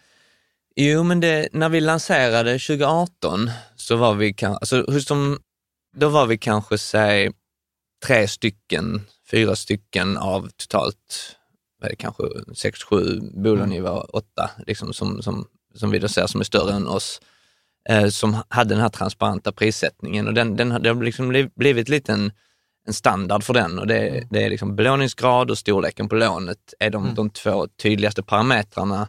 Och sen om aktören bjud, erbjuder andra tjänster, typ pension och sånt, så brukar du kunna klicka i det och så får du lite extra rabatt för det ju.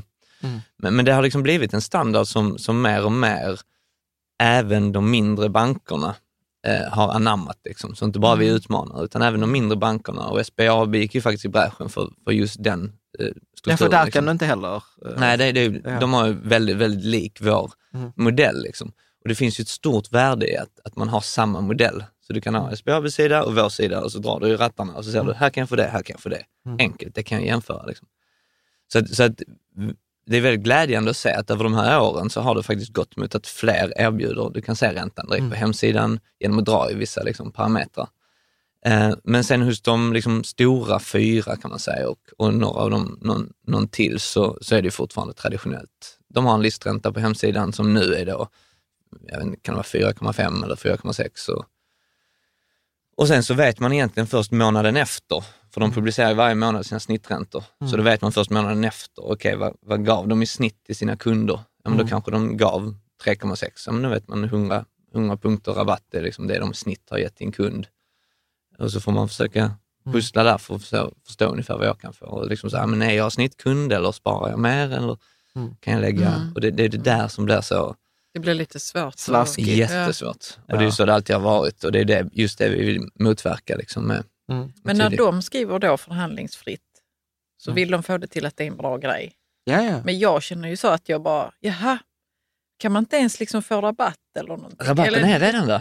Ja men det, det vet ju fan inte jag. Jag känner ju det som att, du vet när man ska köpa något Man på blir Blocket. alltid Man lurad. blir alltid lurad. Man ska köpa något på Blocket och det står så att de har liksom redan Färdigförhandlat. färdigförhandlat pris. Jag bara, ja, ja fast jag var inte med.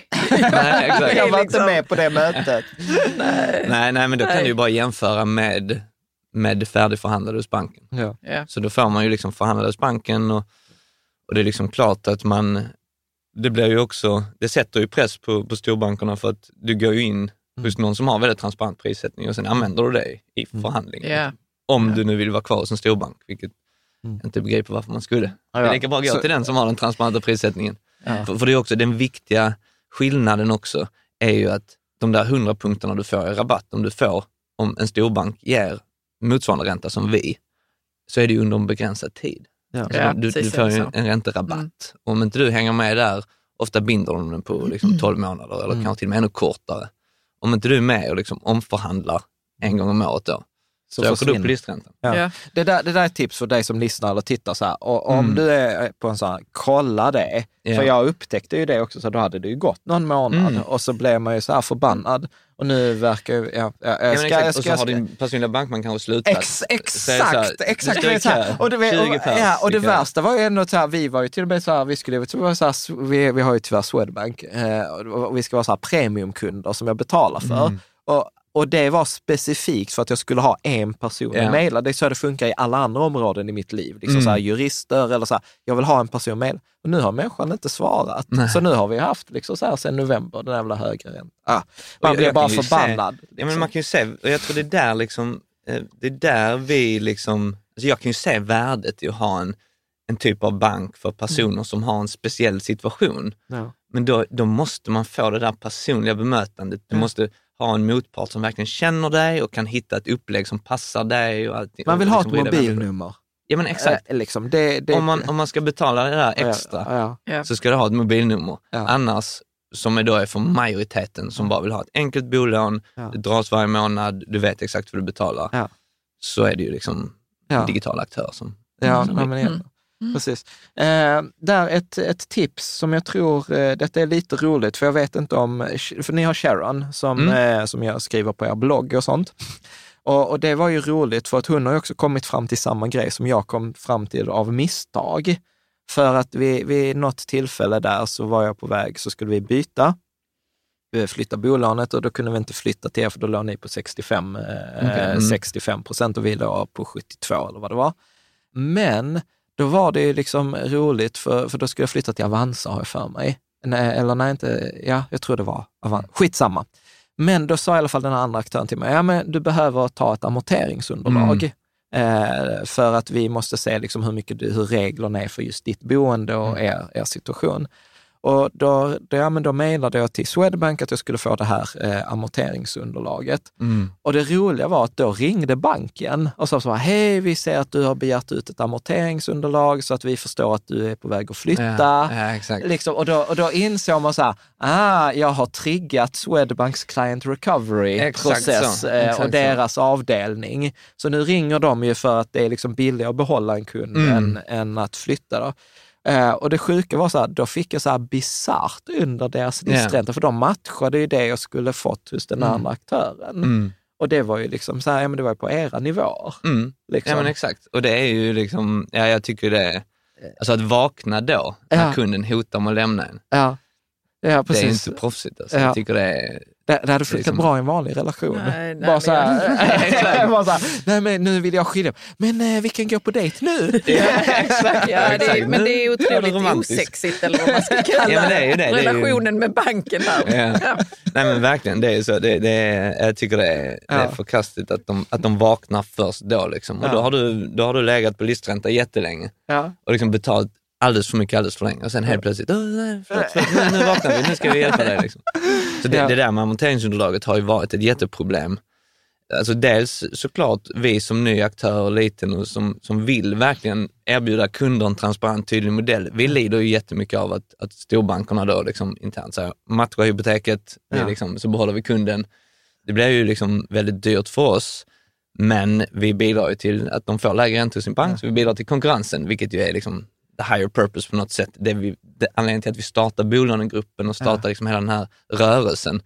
Men, eh, men vi vill ju såklart ha kunden till oss. Men det är också bara eh, liksom, alltså bara friktionen i att du ska behöva ringa din bolånegivare eller gå in på internetbanken och beställa den här pdf-en och det tar två veckor att få den.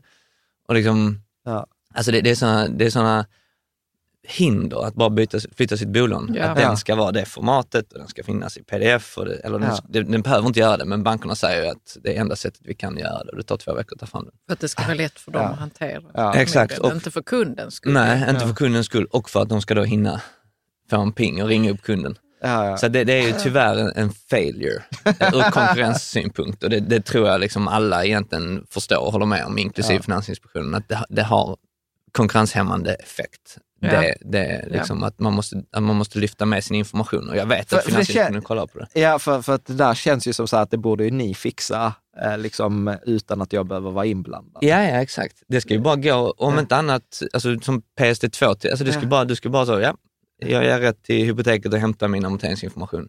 Precis som vi hämtar dina Mm. lösenuppgifter när vi ska lösa lånet. Det är ju no-brainer att det ska vara så. Och det här, tror då jag är vi liksom, tillbaka där vi började. Eh, Ja. Så här, med bankerna och inget incitament och Exakt. gamla system och, Exakt. och liksom sådant. Du, jag tänker vi ska runda av här Mm. eh, alldeles strax. Eh, ett tips som jag brukar ge eh, ibland, eh, jag vet inte om du kanske inte vill höra detta som aktör, men så här, det är väldigt svårt ofta att få lån när man är över 60, 65 Mm. som pensionär. Så då har jag ibland sagt så här, ja men du vet passa på att ta ut lånet när du kan. Alltså när Mm. du är 55 eller 50 eller ish. Eh, sådär. Hur, hur ser det ut om man är äldre? Liksom, hur ser, när, liksom, när ska man göra en sån här grej? Eh, Mm, alltså det, det är ju klart, vi, vi försöker också vrida och vända på det, hur vi kan... Alltså våra kreditmodeller ser rätt mycket ut som, som bankernas eh, i det här att vi gör en sån här kvar-leva-analys som är framåtblickande och långsiktigt framåtblickande, att du ska klara de här liksom, återbetalnings... Eh, att du ska klara, alltså betala lånet egentligen eh, löpande. Och, och där finns ju en balansgång mellan ett ansvar för oss att säkerställa att du inte tar på dig för mycket skuld som du inte klarar, Eh, men men liksom, det, det finns ju också att det, det har ju blivit för just den kategorin liksom, personer i den åldern, så känner de ju att i och med att deras inkomst kommer gå ner, Ja. men de vet att jag kommer klara det här, så, så, så blir de ju ofta liksom orättvist behandlade. Mm. Och jag liksom vågar inte säga att vi är liksom mycket bättre än bankerna på att hantera dem, men vi jobbar väldigt, väldigt aktivt med att göra en individuell bedömning för dem. Ja. Att faktiskt inte bara schablonmässigt så, så här, men du går i pension om tre år, då reducerar vi 30 procent. Liksom man kan börja där och säga, funkar det? Nej, funkar inte det? Då, kan, då pratar vi med dig. Men, men när liksom- går den där brytgräns? Alltså så här, när, när är det tufft att ta ett nytt bolån? Är det, som, är det vid 60? eller? Jag tror det är i regel, och så tror jag det är hos de flesta aktörer, att där börjar bolånegivaren då titta på liksom beyond pensionsåldern Ja. och då, då, då liksom straffar det din inkomst.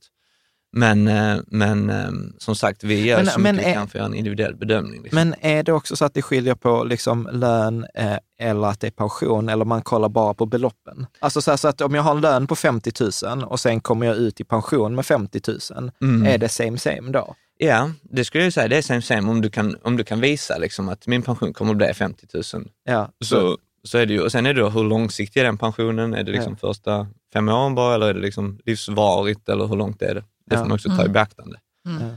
Men, men absolut, det, pension är ju, är ju lika bra inkomst som, Ja. som en lön. Ja, men, men, det, är- men det är också en sån här grej bra som jag har tänkt på att man ska tänka, Ja, tänka det- det efter verkligen- före, för det är svårt att komma så här, när 63, detta skulle jag gjort när jag var 55.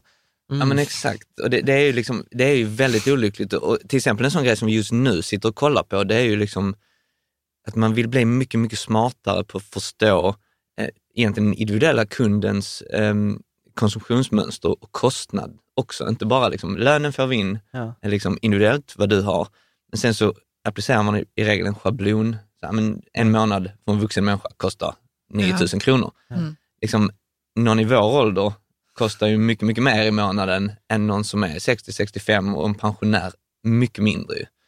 Så det jobbar vi mycket med nu, att, att se hur vi kan bli smartare på att förstå Ja. vad din faktiska kostnad är i månaden. Ja. Och på så sätt kan pensionärer liksom få en Precis, är man behandling. 40-40, 40-ish, då är det så här, då är det nej. Nej, exakt. Då är det, då är det mycket kostnader. Det ja, vara. men det var så roligt, vår dotter fyllde år häromdagen, vi köpte basketboll. Jag var så här, jag visste inte att det fanns basketbollar som kostade 2000 spänn.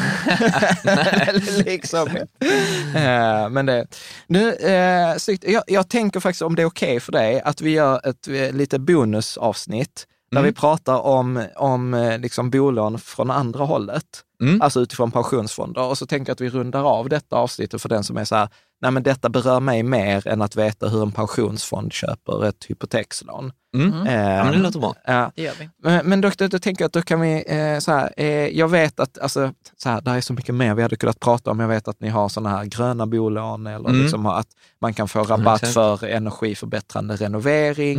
Mm. Eh. Eh, etc. Jag vet också att ni pratar ganska mycket om hållbarhet med Mm. det här med eh, ESG, att ha social impact, vilket Mm. jag, jag gillar jättemycket det du säger, så att okej, även om vi inte får kunden, ja men vi har hjälpt de här människor som inte ens är Mm. våra kunder att få en bättre ränta, Mm. bara genom att vi är en konkurrenskraftig. Ja, men exakt. Det där äh, finns ju en väldigt stor hållbarhetsaspekt i det. Ofta Ja. tänker man ju bara på det gröna och, och det som vi, vi också jobbar hårt med, som sagt de gröna bolånen, de gröna tilläggslånen. Men en, en effektiv modell i sig, struktur, som vi också kommer komma in på nu när vi börjar prata om, om hur vi lånar upp och sådär. Det, är också, det, det bidrar till att bygga en hållbar finansiell, ett hållbart finansiellt system Ja. som är liksom rigidt. Så att Men- det jobbar vi väldigt mycket med. Men om vi tittar på det från liksom så här, eh, liksom kundfronthållet Mm. och inte så mycket backoffice. Är det någonting som du tänker så här, detta borde ni ha tagit upp, detta missade vi?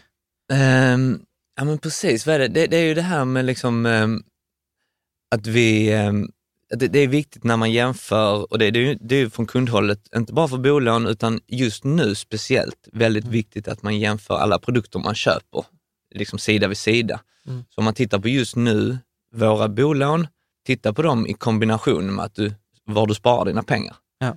Alltså till exempel om du har ditt bolån hos en bank så får du kanske nu en ränta på bolånet just nu, inte över tid skulle jag säga, men, men just nu en ränta som kan komma ner i våra nivåer.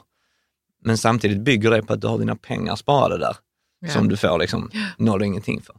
Flytta då istället bolånet till en aktör som kan erbjuda en, en lika bra eller lite bättre bolåneränta och flytta ditt sparkapital till en motsvarande aktör inom sparande. Och det finns ju fristående aktörer som liksom har tillstånd och Ja. eh, insättningsgaranti och allting. Ja. Allt från Froda är till exempel ett företag i Stockholm som, som faktiskt startade på samma inkubator som vi gjorde 2015.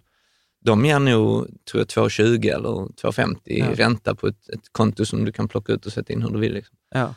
Så där får du dubbelt så hög ränta. Nej, men jag kan ju Mm, säga så här att jag brukar ju Mm. generellt vara väldigt negativ till när banken ställer sådana här sidokrav. Mm. Jag, jag, sa, jag, jag hade när de sa det till mig, så här, men vi vill att du har ditt sparande här. Jag bara, ja men det är absolut, jag flyttar samma dag ni levererar samma tjänst som eh, liksom Lysa Mm. eller Avanza eller Nordnet eller någonstans. Så att det, det är fine. Ja, exakt. När du gör det. Men, och det är viktigt att ta med sig att de får inte kräva att du köper en annan tjänst för att du ska få bolånet.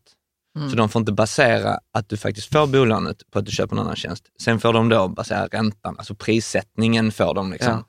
flytta runt lite. Det kallas ju kopplingsförbehåll, att Ja. man, de, de får liksom bandla ihop det till ett paket. Men de måste redovisa priset per produkt. Ja. Så det, det, det är liksom ett lagkrav i, i konsumentkreditlagen, att de måste redovisa priset på varje produkt du köper av dem och de får inte basera det faktum huruvida du får lånet eller Ja. inte. För att det där var ju en massa snack om det för mig, så att de kopplade så här bolåneskydd-ish. Mm. Och så var det ju liksom så här, det var ju bara en livförsäkring där de hade förtur att de kunde ta Ja. ut pengarna till lån. Jag var så här, Så och så du är köp- tvungen att ha den för att Ja, liksom ja, ja. lånet. Ja, Nej, precis. Så får man inte göra. Nej, exakt. Och det är skitbra, för då var jag så här, men kör gud, köp livförsäkring hellre bil, liksom separat. exakt. Ja, det- då- så att du kan ju också styra, liksom, Mm. så att du kan styra och jämföra. Eh, liksom.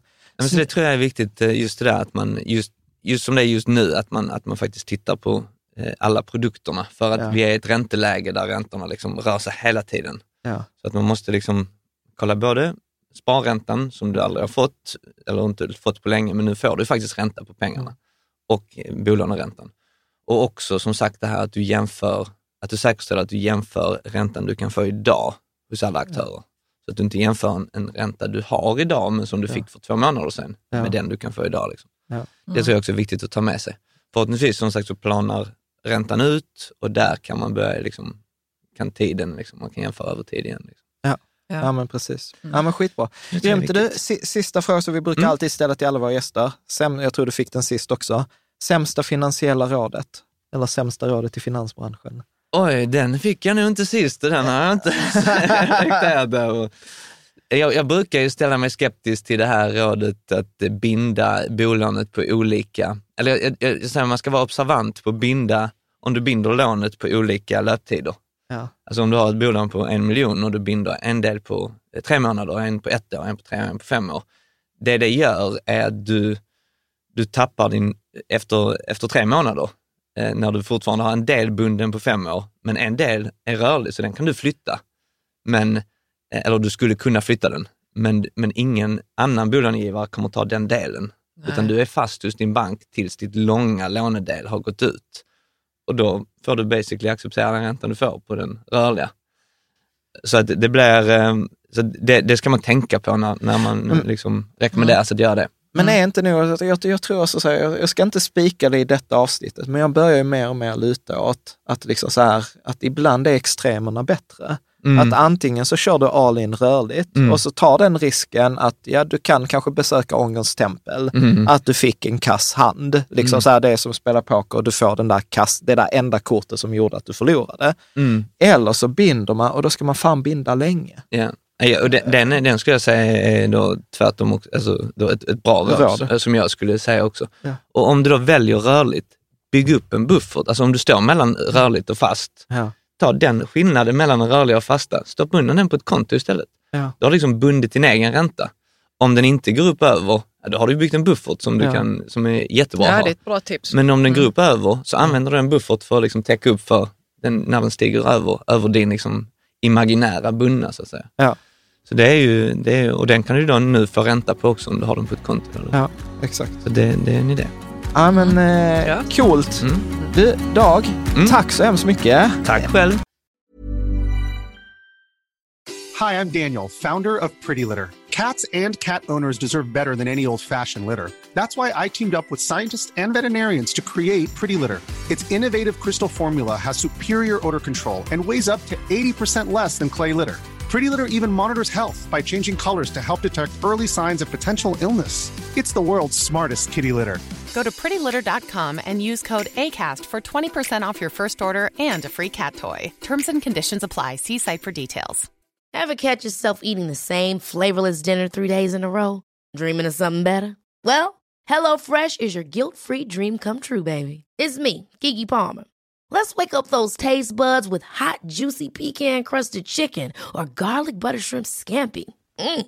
Hello Fresh. Stop dreaming of all the delicious possibilities and dig in at HelloFresh.com. Let's get this dinner party started.